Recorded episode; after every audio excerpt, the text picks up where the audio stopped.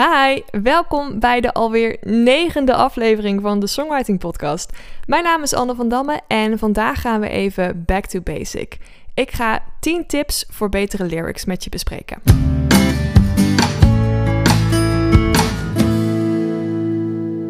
Ja, en ik zeg dus bespreken, want het zijn niet mijn eigen tips.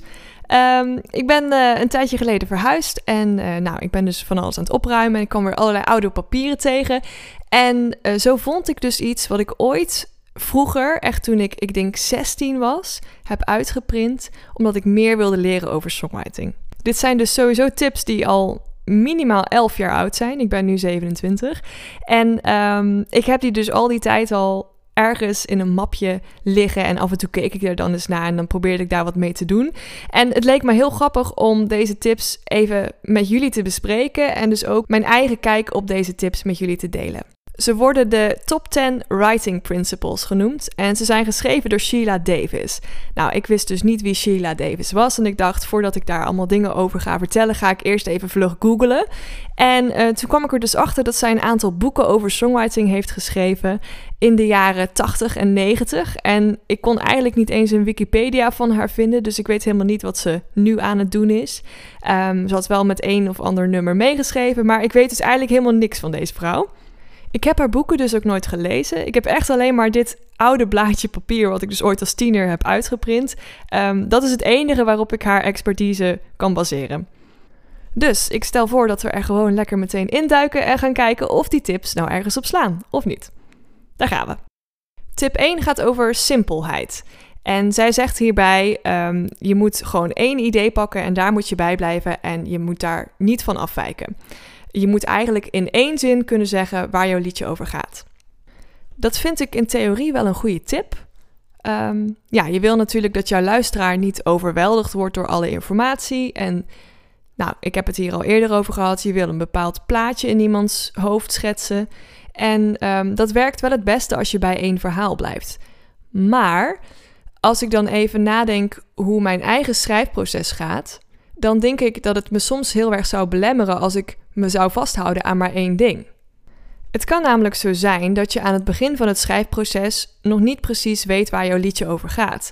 Um, dat kan aan de ene kant een valkuil zijn, zeker als je bijvoorbeeld een bepaalde opdracht moet doen, dan wil je gewoon zeker weten dit is waar het liedje over gaat, dan zou dat ook eigenlijk niet echt meer een vraagteken moeten zijn.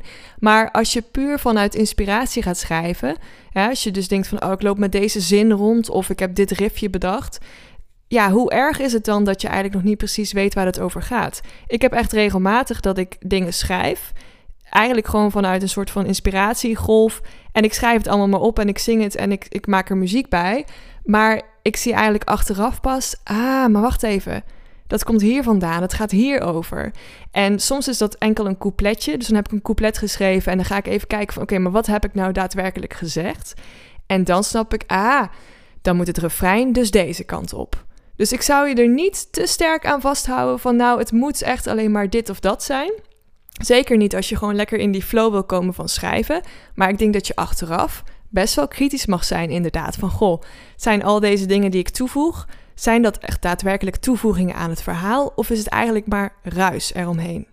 Nou, daar sluit punt 2 van Sheila eigenlijk wel op aan. Uh, clarity, duidelijkheid.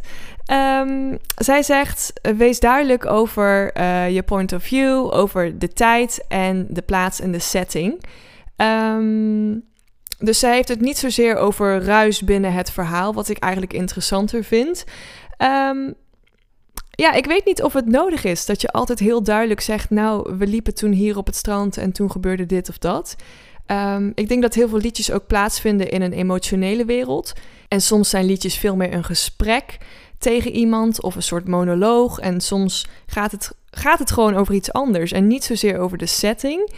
Dat gezegd hebbende, als we even teruggaan naar dat plaatje hè, wat je wil schilderen in iemands hoofd dat, um, volgens mij hoeft dat niet duidelijk over een bepaalde locatie te gaan. Maar je wil wel iets schilderen. Dus als je alleen met emoties en met gevoel schildert, of met gebeurtenissen, zorg dan dat dat zo duidelijk genoeg is dat die setting eromheen niet nodig is. Punt 3. Compressie. Dat vind ik dus wel een hele interessante. En ik denk dat dat met name komt omdat dat ook iets is waar ik zelf moeite mee heb. Of waarvan ik weet, nou, dat is eigenlijk iets wat ik, ja, waar ik een beetje lui in ben. Want wat zij bedoelt, ehm, ja, ze zegt make every word count. Dus zorg ervoor dat je eigenlijk geen opvulwoorden gebruikt. Dus uh, in het Engels adjust en vary, dat, dat zijn dat zijn woorden die, ja, die kun je wel gebruiken, maar daar kun je ook een sterker woord voor in de plaats zetten. Waardoor dat eigenlijk overbodige woorden zijn. Ze noemt ook nog uh, morning sunrise. Die morning is natuurlijk eigenlijk niet nodig. Wederom ben ik het hier in theorie heel erg mee eens. Ik vind altijd dat je tot de essentie van je woorden moet komen. Dus knijp alles helemaal uit, wring het uit totdat je overhoudt wat je echt wil zeggen en totdat je die krachtige woorden overhoudt. Maar, er is een hele grote maar, als je ritmisch schrijft, als jouw woorden op een bepaalde muzikale zin moeten passen, dan kan zo'n soort opvulwoordje net het verschil maken tussen een zin die heel lekker loopt of die eigenlijk net niet lekker loopt. En dan vind ik het dus echt geen schande om zo'n woordje te gebruiken. Het vierde punt gaat over de nadruk leggen binnen je songtekst. Um, zij zegt dat je simpele, sterke woorden moet gebruiken en dat de belangrijke woorden aan het einde van de zin moeten staan. Um, ja, daar ben ik het dus al niet helemaal mee eens. Ik denk dat je uh, je belangrijke woorden op belangrijke plaatsen in je liedje moet zetten. Als dat het begin van jouw zin is, als daar jouw melodie uh, heel krachtig is, zet dat belangrijke woord vooral daar. Ik zie niet zozeer in waarom dat belangrijke woord op het einde van een zin zou moeten staan. Dus daar ben ik het eigenlijk niet mee eens. Wat zij ook verder nog zegt is gebruik actieve taal. Dus um, niet passief. Zij heeft als voorbeeld Your kiss fooled me is beter dan I was fooled by your kiss. Ja, nu is het inderdaad wel zo dat actieve zinnen vaak uh, prettiger zijn om naar te luisteren dan passieve zinnen. Daar ben ik het helemaal mee eens. Maar ik vind eigenlijk dat ze zichzelf dus al heel hard tegenspreekt hier. Want ze zei eerst nog: hey, we moeten de belangrijkste woorden op het einde van onze zin zetten. En dan zegt ze: Your kiss fooled me is beter dan I was fooled by your kiss. En dan denk ik: bij die tweede zin is de nadruk zoveel meer gelegd op kiss. Dat lijkt mij daar het belangrijkste woord. Nou, zo zie je maar dat het ook heel erg een kwestie van smaak is. Hè? Um, ik denk ook dat je niet altijd alle songteksten helemaal goed tot z'n recht laat komen door ze alleen maar kaal zonder muziek te horen of zonder muziek te schrijven. Daarom ben ik heel erg voorstander van samenschrijven. Dus dat je uh, tekst en muziek eigenlijk tegelijkertijd maakt, zodat het elkaar ook echt aanvult. Vind ik heel erg fijn werken. Um, en ik denk ook dat je daarin dus soms concessies moet doen. Dus um, misschien gebruik je inderdaad een opvulwoord of een passieve zin, uh, maar klinkt die wel het lekkerst op de muziek. En dat mag gewoon. Alles mag. Hè? Dat sowieso. In songwriting mag alles. Uh, maar ik denk dat je daar zelf echt je intuïtie in moet trainen. En je gevoel voor moet kweken. Van oké, dit loopt wel lekker of dit loopt niet lekker. Punt 5. Consistentie. Ja, dat gaat dus over de samenhang binnen een nummer. En dan met name dus over de taal. Dus dat de taal die je gebruikt, dat je die ook overal op die manier gebruikt. Zij heeft hier als voorbeeld dat je bijvoorbeeld heel letterlijk kunt schrijven. Uh, je kunt ook heel figuurlijk schrijven. En het is eigenlijk gek als je die twee door elkaar gaat gebruiken. Dat wil volgens mij niet zeggen dat het niet mogelijk is. Want ik denk eigenlijk dat er uh, heel veel liedjes zijn die beide gebruiken. Uh, maar zij heeft hier bijvoorbeeld als voorbeeld dat als je uh, het over de regen hebt. En je bedoelt letterlijk regen, je staat zeiknat in de regen, dat je dan niet daarna ook nog eens de regen kunt gebruiken voor een metafoor. Maar terwijl ik dit zeg, bedenk ik me ook weer van, hé, hey, maar wat voor een gaaf thema zou dat eigenlijk zijn? Dat je dus eerst begint met die regen en dat je gewoon dat je dus letterlijk nat bent. En dat je vervolgens dat die regen uitgroeit tot iets anders. Hè? Er mag best wel een verloop in je song zitten. Dus ook bij deze bent er niet helemaal mee eens. Um, want ik denk dat je die regen best wel op een figuurlijke manier, als je het slim doet, dat je die alsnog op twee manieren dus zou kunnen gebruiken. Punt 6 gaat eigenlijk ook over samenhang, maar dan met name over het verhaal. Uh, zij heeft het hier over een logische chronologische volgorde. En uh, ze zegt: proceed every reaction or effect with a reason or a cause. En dat vind ik wel heel interessant, want daar ben ik het ook compleet mee eens. Um, je mag prima van richting veranderen in je nummer. Hè? Je mag je couplet beginnen met: Oh, ik ben zo ontzettend verliefd op jou. En je kan in je refrein iemand helemaal de huid vol schelden. Maar er moet daartussen dan wel iets gebeuren. Wij moeten als luisteraar weten: wat is er gebeurd? Waarom? Wat is dit? Dus de verandering van setting is op zich niet, uh, niet erg. Dat is juist interessant, zo'n wending in het verhaal. Maar je moet hem wel aankondigen en je moet wel aangeven waarom dat gebeurd is. En misschien is dat wel het hele liedje. Misschien komen we er aan het einde pas achter wat er gebeurd is. En is dat de intrige om te blijven luisteren. Ik krijg in ieder geval meteen allemaal ideeën om te gaan schrijven en, en verhalen om uit te werken. Dus ik hoop dat dat voor jou hetzelfde werkt. Dat, uh, dat zou mooi zijn natuurlijk. Um, punt 7. Dit gaat over specifiek zijn. En uh, dit is ook een punt waar ik me echt heel goed in kan vinden. Met name omdat dit slaat op dat schilderen van het plaatje. Um, zij zegt: uh, kies liever voor een appel in plaats van voor fruit. Of zeg, uh, je hebt me altijd mooie rozen gebracht en niet uh, je deed leuke, lieve dingen voor mij. Dus eigenlijk dat je veel specifieker gaat omschrijven wat er daadwerkelijk aan de hand is, of wat er gebeurt, of wat je ziet. Um, wat ze ook nog zegt, en dat vind ik ook een hele mooie: try to show an emotion rather than tell it. En dat is volgens mij een van de mooiste dingen die je kunt doen als songwriter. Ik kan zeggen: Oh, ik ben zo verdrietig. Of ik kan zeggen: Het voelt alsof mijn hart uit mijn lijf is gerukt en de tranen blijven maar stromen. En dat tweede is veel beeldender. Tuurlijk, iedereen kent het gevoel van verdriet, maar je wil het beeldend maken. Je wil dat iemand iets voor zich ziet wat er daadwerkelijk gebeurt. Gaan we meteen door naar punt 8 en dat gaat over repeterende woorden. En uh, wat zij hier eigenlijk mee wil zeggen is dat je bepaalde belangrijke woorden meerdere keren kunt herhalen, waardoor er meer nadruk op komt te liggen. En dan zegt ze ook especially the title. Nou, ik vind dat um, ook een beetje ja, smaakgevoelig. Um, er zijn zat hele mooie liedjes waarvan de titel niet eens in de song voorkomt. En dat vind ik ook wel weer interessant eigenlijk, want dat zegt soms ook iets over het verhaal. Um, maar ja, herhaling werkt natuurlijk wel, hè. Als je het hebt over melodieën en herhaling, kan een hele catchy melodie, door die vaker terug te laten komen, dat, dat geeft als luisteraar een fijn gevoel. En zo werkt het denk ik ook met woorden. En hoe vaker je iets terug laat komen, uh, ja, hoe belangrijker het natuurlijk lijkt te zijn.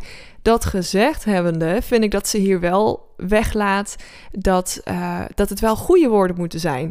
Ik denk dat je goed moet nadenken over welke woorden je daadwerkelijk wilt herhalen. Uh, sommige woorden klinken gewoon lekker als ze twee keer achter elkaar komen. Vooral, vooral doen. Hè?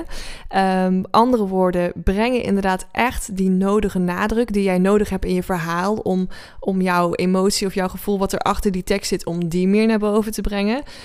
Um, maar ik denk ook dat heel veel dingen gewoon uit gemak worden gedaan. Ik schreef bijvoorbeeld zelf vroeger heel graag never ever achter elkaar.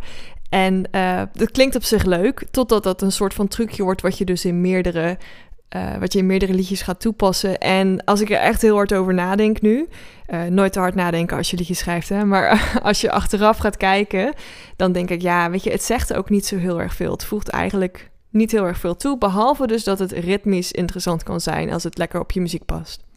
Nou, dan zijn we bij punt 9 gekomen en dat noemt zij eenheid. En ze legt dat uit als zorg ervoor dat de verschillende elementen in je song zo lang zijn als dat ze belangrijk zijn.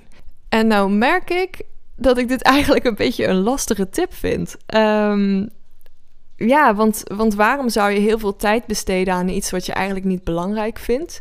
Ik denk dat dat iets is wat je vanuit intuïtie wel al aanvoelt. je gaat toch niet eerst uh, tien regels lang je zolderkamer beschrijven. om dan vervolgens in één zin te zeggen wat er met je moeder is gebeurd of zo, weet je wel. Dat, dat, lijkt me raar. Um, volgens mij vindt iedereen daar wel automatisch een soort van balans in. Um, maar misschien heb ik het helemaal fout. Als, je, als dat voor jou iets is um, wat je juist lastig vindt, dan kan dit eigenlijk wel een goede tip zijn misschien. Laat me dat ook vooral even weten in een reactie of zo, of in een mailtje, dat mag altijd. Uh, want dat vind ik heel erg interessant, want uh, ja, hoe voor mij dingen zijn, dat uh, hoeft niet voor iedereen zo te zijn. Maar um, ja, ik, ik ben het dus wel eens met de tip, maar ik weet niet of ik het echt een hele goede tip vind. Ik neem deze podcast altijd in stukjes op, hè? dus af en toe luister ik even terug. En nu hoor ik mezelf dus zeggen van ja, tien regels over je zolderkamer en dan pas één zin over wat er met je moeder is gebeurd. En eigenlijk nu ik het terughoor, denk ik van nou, dat is toch eigenlijk ook wel een interessante opzet voor een liedje. Om maar aan te geven dat we heel vaak denken: nee, dit kan niet, of dit is raar, of dit wordt zo niet gedaan. Ehm, terwijl sommige dingen eigenlijk gewoon best wel hele leuke ideeën zijn. Dus laat je daar vooral niet door tegenhouden. Door eh, allemaal mensen die lijstjes maken en die zeggen je moet zo en zo muziek maken. doe, gewoon, doe echt gewoon wat je, wat je hartje ingeeft en probeer dingen uit.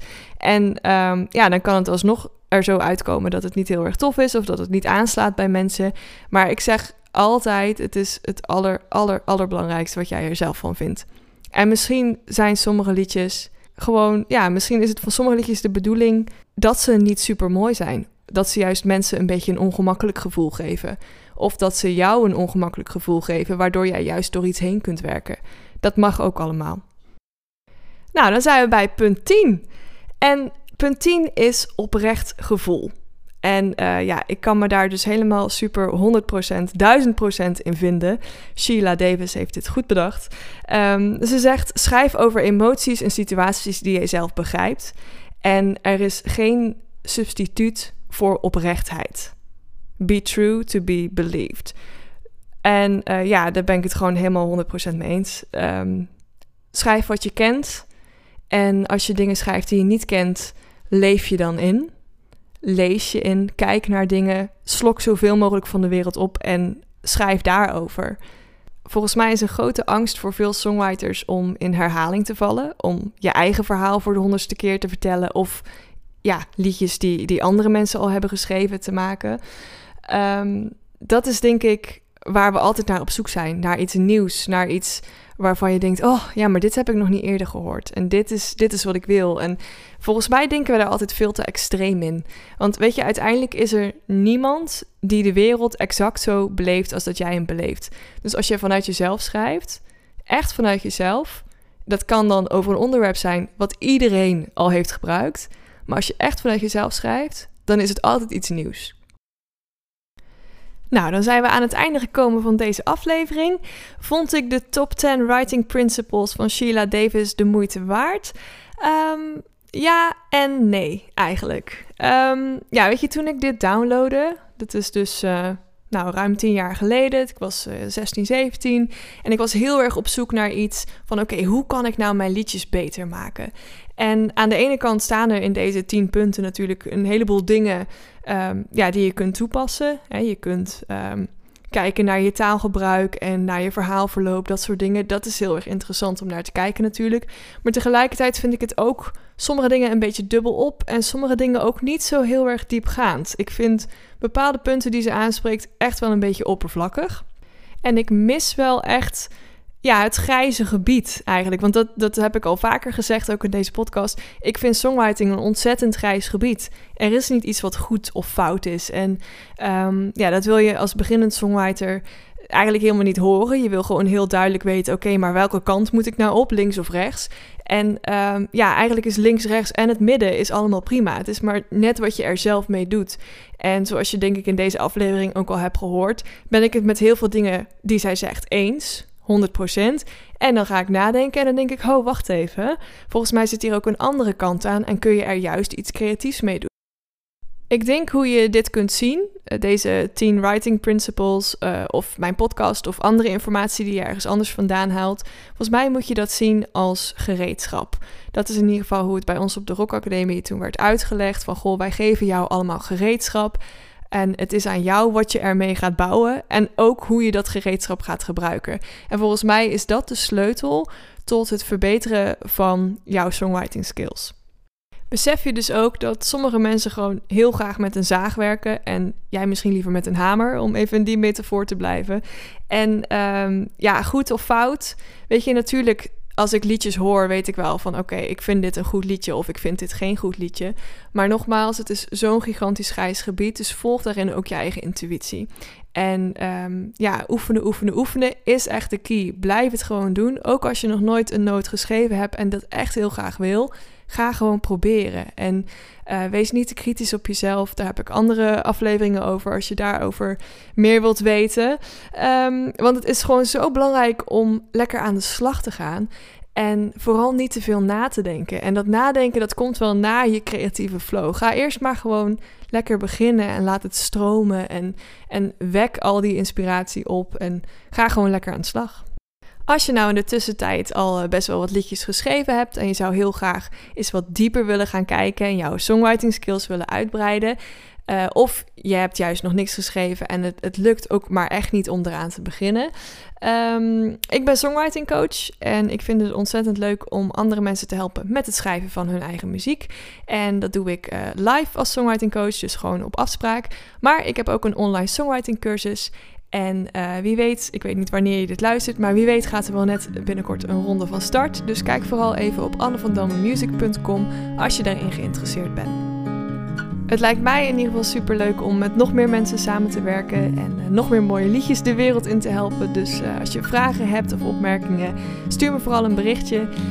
Kan op info.annevandammemusic.com of via Facebook of Instagram, waar je me allemaal kunt vinden. Um, ja, voor nu heel erg bedankt voor het luisteren en heel erg veel schrijfplezier.